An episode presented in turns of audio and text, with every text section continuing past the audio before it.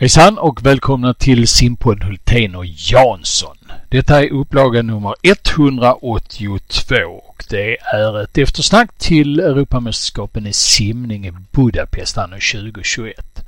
Där vi eh, tittar tillbaka på vad som egentligen hände. Hur bra var det? Eh, vad kan vi förvänta oss i framtiden och lite annat smått och gott. Simpodden 182. Nu kör vi! Nu ska vi snacka simning. Ja, om de gör det bättre, det vet jag inte, men de gör det oftare.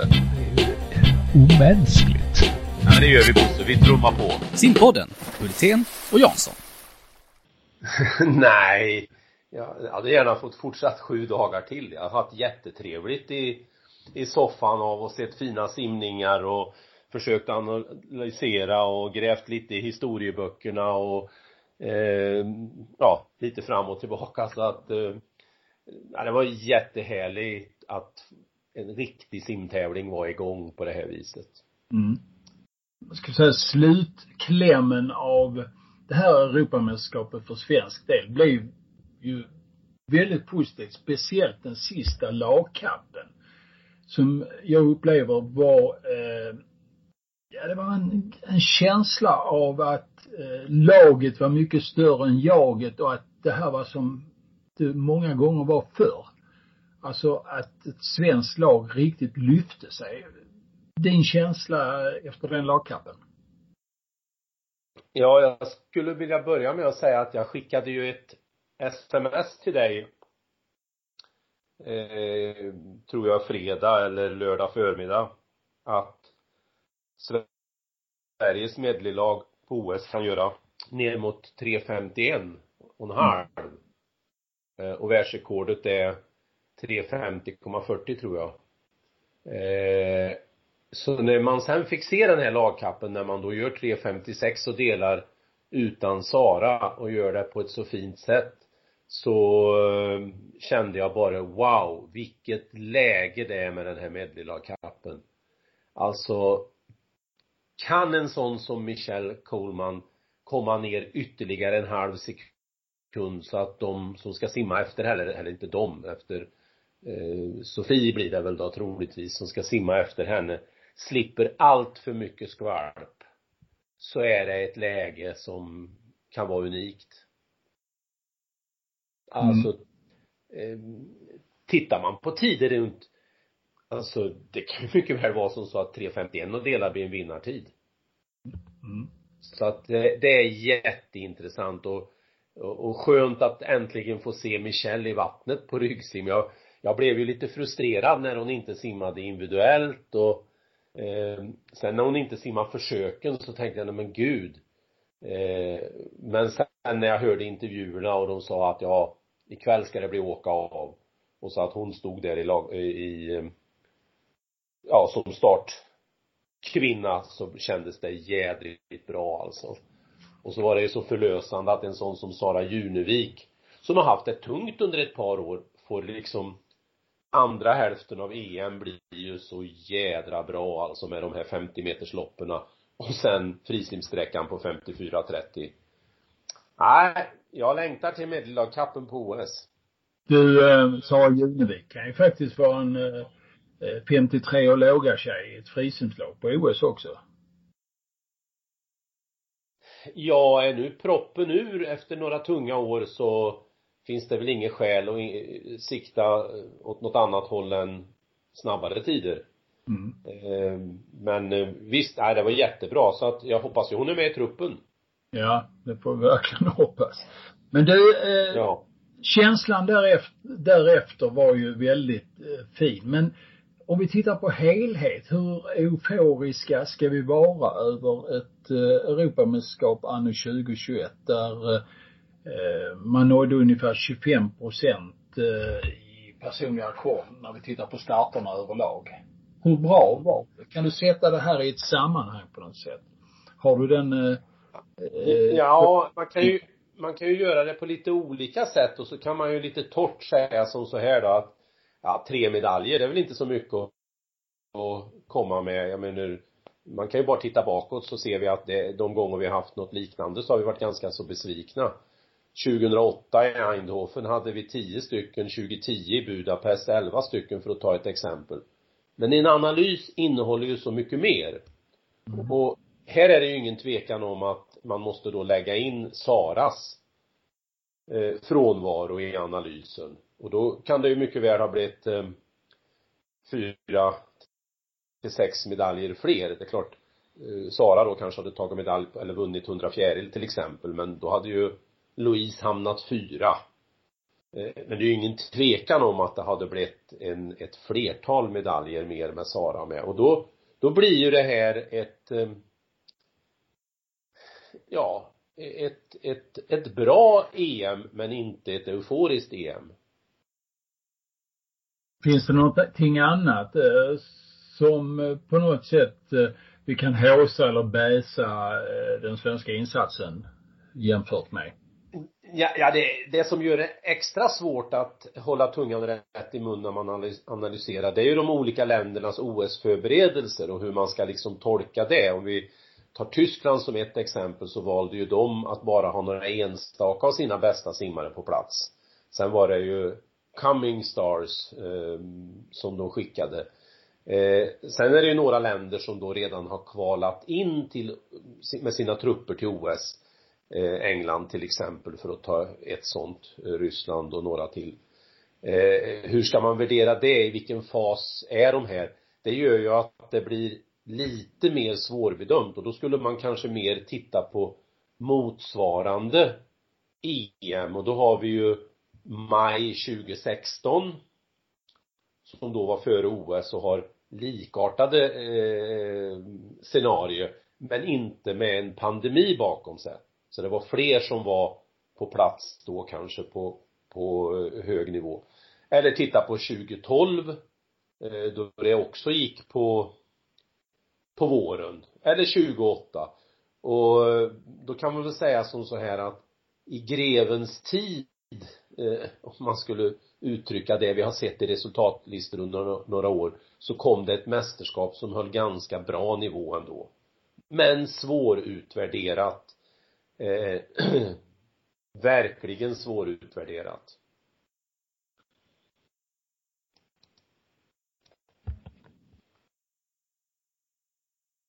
Mm.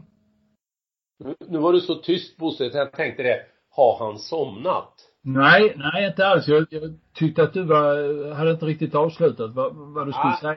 Utan du, du får gärna fylla på med lite mer. Nej, men sen kan man ju gå ner och titta kring finalplatser, svenska rekord och så vidare. Så var det ju 12 finalplatser och eh, det har ju hänt att vi haft i den nivån på ett VM om vi tittar bakåt.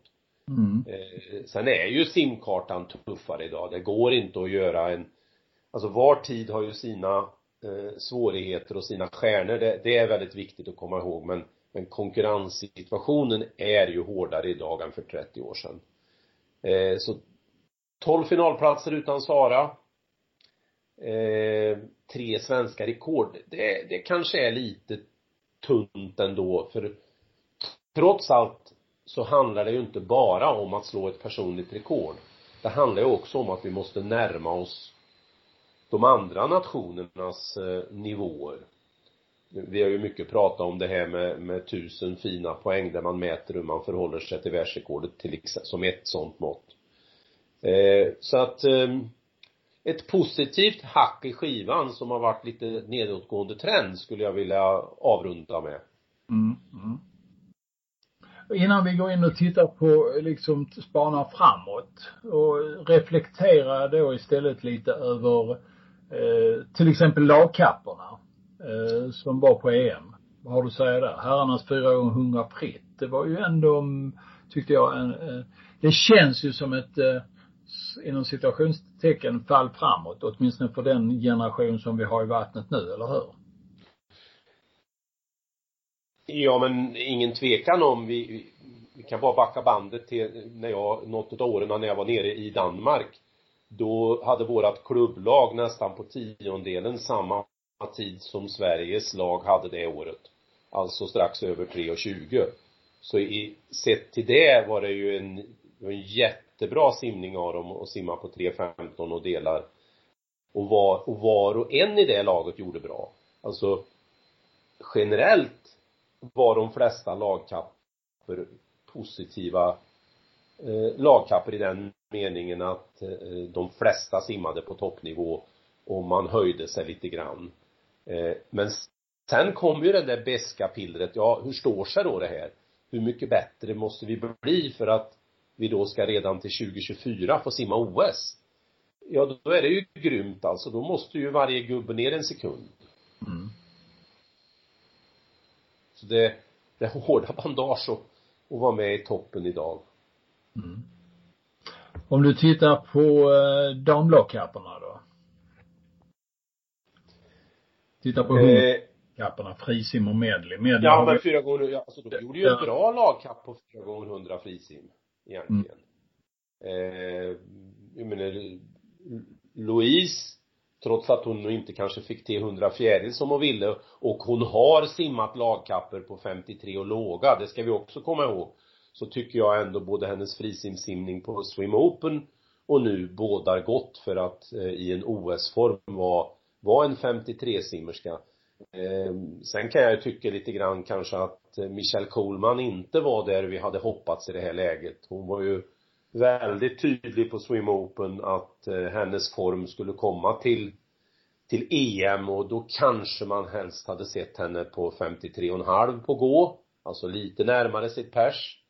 Eh, så att där var väl egentligen glädjeämnet hennes ryggsimsträcka. Och att hon klarar sista metrarna in mot mål i den när det börjar liksom gunga med folk som dyker i och så. Så att sen ah, vi var inte med på fyra gånger två vi är ett litet land just nu så har vi ju ingen generation bakom de bästa som kan simma en fyra gånger två lagkapp egentligen. Eh, Om man skulle ta bort Coleman, skulle ta bort Hansson, man skulle ta bort Sjöström, skulle vi ändå blivit tionde lag på fyra gånger två? Ja, och jag vet inte om du kommer ihåg när vi snackade med Dennis och Ulrika så var ju de inne då på att, ja men när de är för, för dåliga att åka iväg och få en 38 plats eller 29 och så, så kanske det är mer negativt än värdet av att vara med och vara inne i hetluften och lära sig. Men samtidigt har vi ju då lagkapper som kanske då, precis som du pekar på, en tionde plats i en lagkapp kan ju då ändå vara en positiv eh, upplevelse. Nu ska vi snacka simning. Ja, om de gör det bättre, det vet jag inte, men de gör det oftare. Det är ju omänskligt. Ja, det gör vi Bosse, vi trummar på. Simpodden, Hultén och Jansson. Ja, eh, då undrar man, är det egentligen värt att skicka simmare på det här sättet? Eh, har vi råd med det? Ska vi göra så? Befrämjar det vår idrott att skicka simmare som inte är av yppersta klass och kan simma eh, ändå bra i lagkappslag? Kan vi, är det okej okay att ett 4 gånger 2 lag för damer blir tia på EM eller eh, hur tänker vi? Ja, skulle vilja nästan säga ja på alla de där, vad heter det nu, frågor eller påståenden. Eh, ekonomi har vi, Ulrika var ju tydlig med det att eh, det hänger inte på ekonomi. Så råd har vi. Eh, är det värt någonting? Ja, det är det absolut. Eh, tillför det de här simmarna någonting i deras utveckling? Ja, ett, ett lugn att veta att eh, Sverige kommer att skicka lag jag tror en, en sån signal att säga att nu, från och med nu, alla lagkapper fram till OS 2024 eh, ska vi vara representerade oavsett hur det går på kvaltävlingarna. För den här jakten på kvaltävlingarna är inte tillräckligt mycket eh, på den positiva sidan. Ja, det hämmar vår, vår utveckling. Man kan sätta hur hårda kvaltider som helst. Det är ju jobbet i vardagen och utvecklingen utav kapaciteterna som skapar ett resultat. Så ja, eh, sänd lagkapper hela tiden till alla mästerskap. Mm. Du, vi satt ju och tittade både du och jag eh, på, det, man kunde ju se faktiskt EM på två håll. Eh, det var dels eh, Seymours sändning via eh, Sportkanalen eh, var man nu kopplar in sig. Eh, där dök i alla fall upp eh, svenska kommentatorer. Eh, sen kunde man ju också se på eh, Europeiska simförbundets hemsida. Konstigt nog var det inte spärrat eh, på Sverige, eh, simsändningen där. Men eh, så var det. Eh, Björn Geijer eh, var tillbaka och kommenterade simning eh, på Sportkanalen. Jag tyckte han var eh, väldigt påläst för att inom situationstecken bara vara vanlig kommentator, eller vad säger du? Verkligen. Han, han gjorde ju en del analyser och kom in i snacket med Louise där, eh, som var, som var väldigt bra. Han, han eh, gjorde det jättefint. Och har ju en, en eh, väldigt behaglig stil och tro, jag tror han tyckte det var roligt att eh, kommentera simning igen. Mm. Eh, sen eh, är det alltid en, en fundering på vad ska man ta upp och eh, vi som då kallas expertkommentatorer, Louise i det här eh, fallet, eh, det är ju ingen tacksam uppgift att eh, snacka mot de olika mottagargrupperna som finns. Eh, pensionärerna som en kategori, ungdomarna som en annan, eh, före detta eller simtränare etc, etc. Men, men helheten var att det var en trevlig vecka. Sen på, på detaljnivå kanske jag tyckte att man lite grann hade lite för mycket fokus på um, eh, reaktionstider och kanske också lite grann kom bort sig lite i det här med utgångshastigheter och så. Men det, det där med reaktionstider, det har vi ju snackat en hel del om. Uh, och det snackar man väldigt mycket om nu också. Uh, hur viktigt är det egentligen med en reaktionstid i starten? Du och jag har ju dissat själva eh, idén om, om reaktionstider. Det är, det är klart det är bra att reagera men eh, säger det någonting om starten egentligen? Nej, nej, det säger ju egentligen bara reaktionstiden. Det är klart att det är bättre att, att, att reagera på 0,50 än 0,70 men men däremot så säger det ju inte tillräckligt mycket för att det du kan förlora upp till 15 är så oerhört mycket mer än de där hundradelarna. Och är du en lång simmare, eh, en del manliga runt två meter, en del kvinnliga upp mot 190 centimeter innan de har vecklat ut sig så då blir ju det här måttet lite grann dels ett ett eh, väldigt personligt mått som man ska utveckla.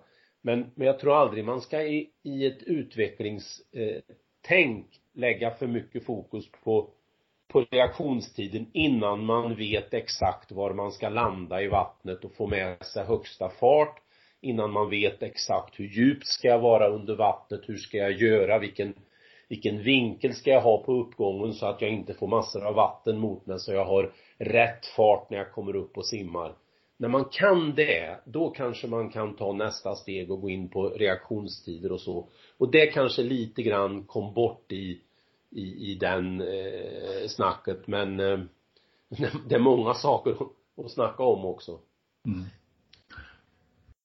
Jämförbart kan ju vara till exempel spjutkastning om man bara skulle mäta kraftinsatsen i utkastmomentet och inte ta hänsyn till vinkeln, eh, utkastvinkeln på spjutet. Eh, det upplever jag som kanske ett lika svagt mått på, på det man egentligen vill veta i sammanhanget. Men eh, ja, en liten jämförelse kanske. Nej men, och jag skulle vilja säga så här att jag skulle vilja se fler manliga simmare som är ner mot fem sekunder till 15 meter än vi har idag. Mm. Allt för många ligger över 5,5.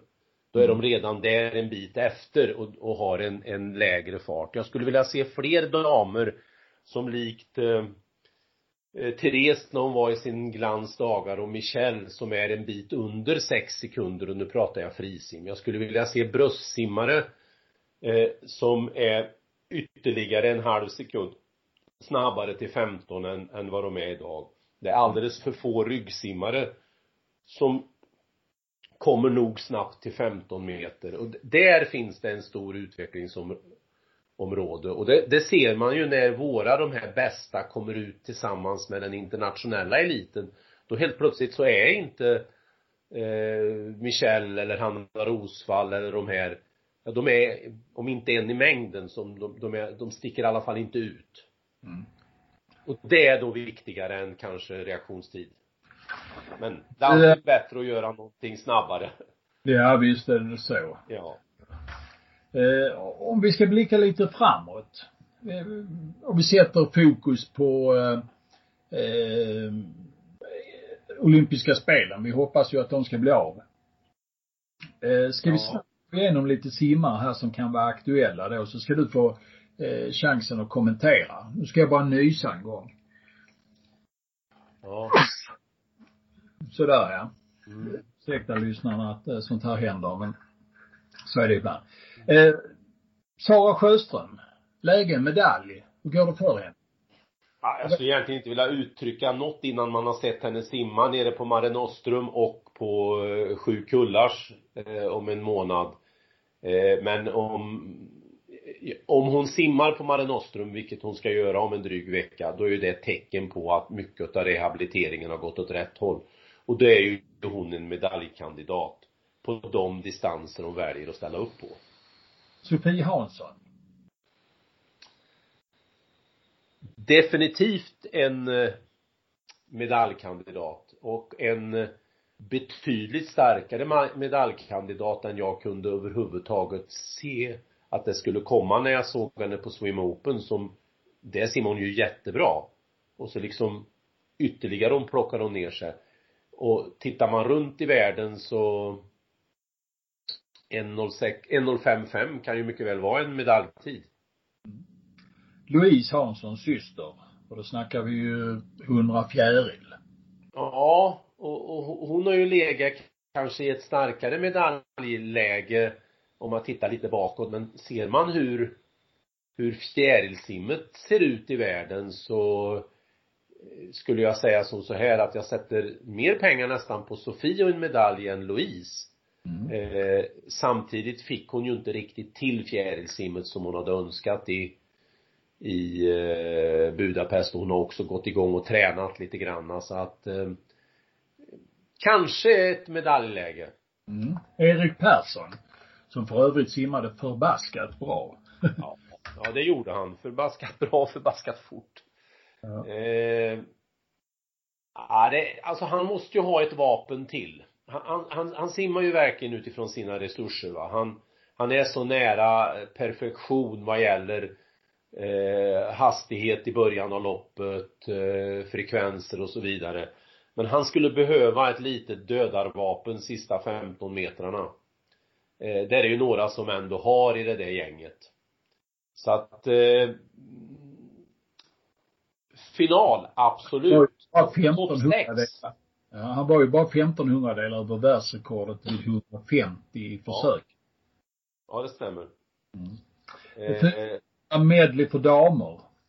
Det har du varit inne på tidigare. Ja, alltså det är ju, det är ett unikt läge alltså det, det, jag vill påstå att det är ett bättre läge än betydligt bättre än vad vi hade på 4 gånger 100 fritt 19, 2000 och 1980 när det blev medaljer bättre läge än vad herrarna hade när de tog eh, OS-medaljerna 92 och eh, 96 och även 84 när det togs eh, lagmedaljer. Det är ett unikt läge, det är ett jättespännande läge och jag skulle vilja säga att vid sidan av Sara så är det det hetaste guldläget vi kan ha.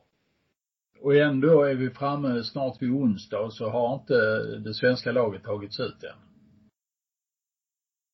Nej. Det är märkligt. Ja. Det är märkligt att det Alltså det kan ju vara som så här att Ulrika och de här skrattar åt oss för de har en helt annan plan. De kanske redan har bestämt att det enda fjäril som Sara ska göra på OS, det är medleykappen. Och då är det Louise som ska simma rygg. Och att man inte har mörkat det och så är det Michelle som ska simma frisim. Men jag tror inte det. Jag tror att medellag kommer att se ut som vi såg nu med undantag av att istället för Junevik blir det Sara Sjöström. Det, Spännande. Fyra gånger hundra frisim damer då? Ah, svårt att nå medalj om inte det händer något väldigt positivt med Louise och Michelle framför allt. Eh, de måste ju ner och kunna simma eh, tillsammans eh, eh, över två sekunder snabbare om vi ska vara överhuvudtaget nära medalj. Robin Hansson, eh, 200 frisim tänker jag väl då närmast på naturligtvis. Ja. Alltså han har ju semifinalläge. Det är jädrigt tufft att komma till final. Men, men det är klart, nu har han ju visat upp sig på seniorsidan, gjorde det väldigt bra. Eh, var nog lite energilös också i den sista finalen där. Hade nog laddat mycket mentalt för försök och semifinal. Men semifinalläge. Mm. Emelie Fast. Ska hon, eh, ska rubriksättarna få chansen att skriva om henne på OS? Absolut. För det första så förutsätter jag ju att hon är med. Hon har simmat under kvaltiden. Och eh, visade upp sig jättefint här på EM. Det är klart att hon eh, är en definitivt semifinalkandidat. Mm. Eh, Michelle Coleman. Ja, jag önskar ju att vi fick tillbaka hösten 2019.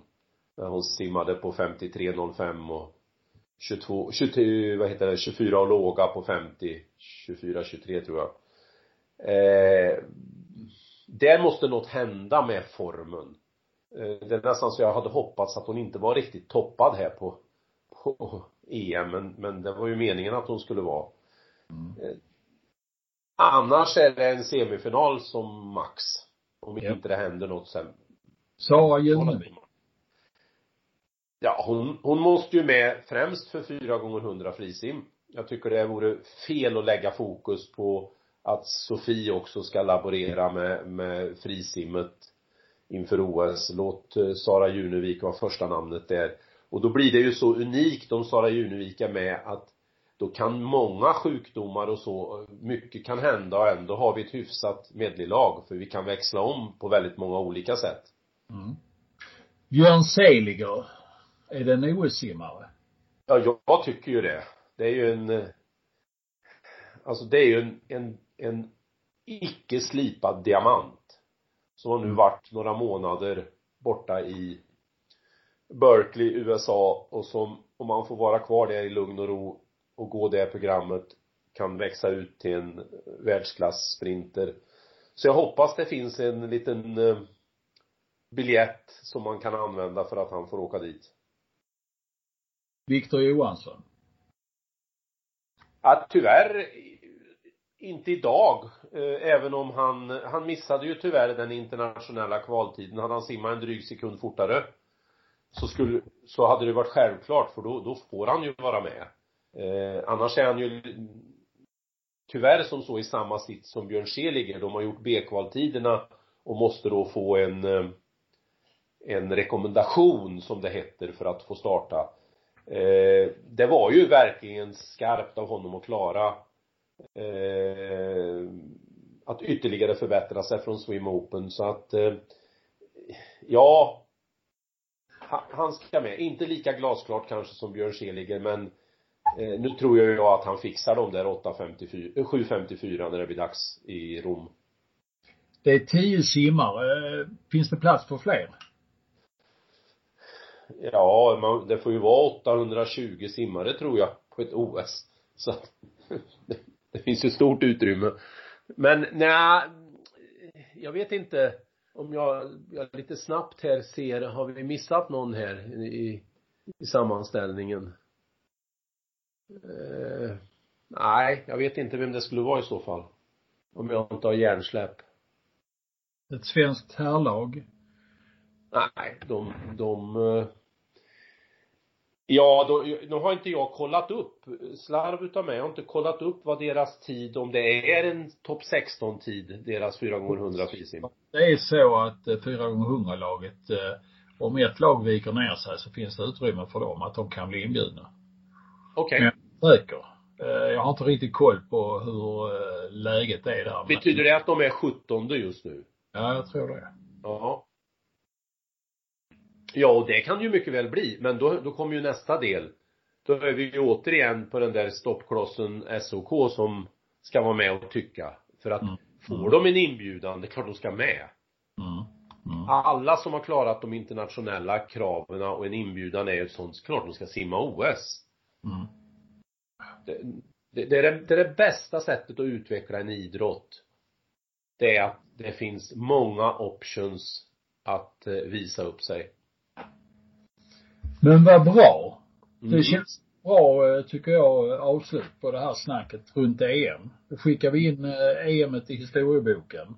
Mm. Eh, Kanske landar vi på en och annan kommentar framöver här eh, runt EM också. Men som sagt så, känslan är ändå god när vi kommer ut ur EM, även om man kan vrida och vända på statistiken. Eh, Så är just känslan av att eh, det här var inte helt tokigt, men visst, jo det kan bli mycket bättre. Eh, Och det finns en del grejer och hål att st- stoppa eh, Mm. lagningarna i framöver. Tack så Ja, mycket och- idag Thomas. Ja, tack själv. Nu ska vi snacka simning. Ja, om de gör det bättre, det vet jag inte, men de gör det oftare. Det är ju omänskligt.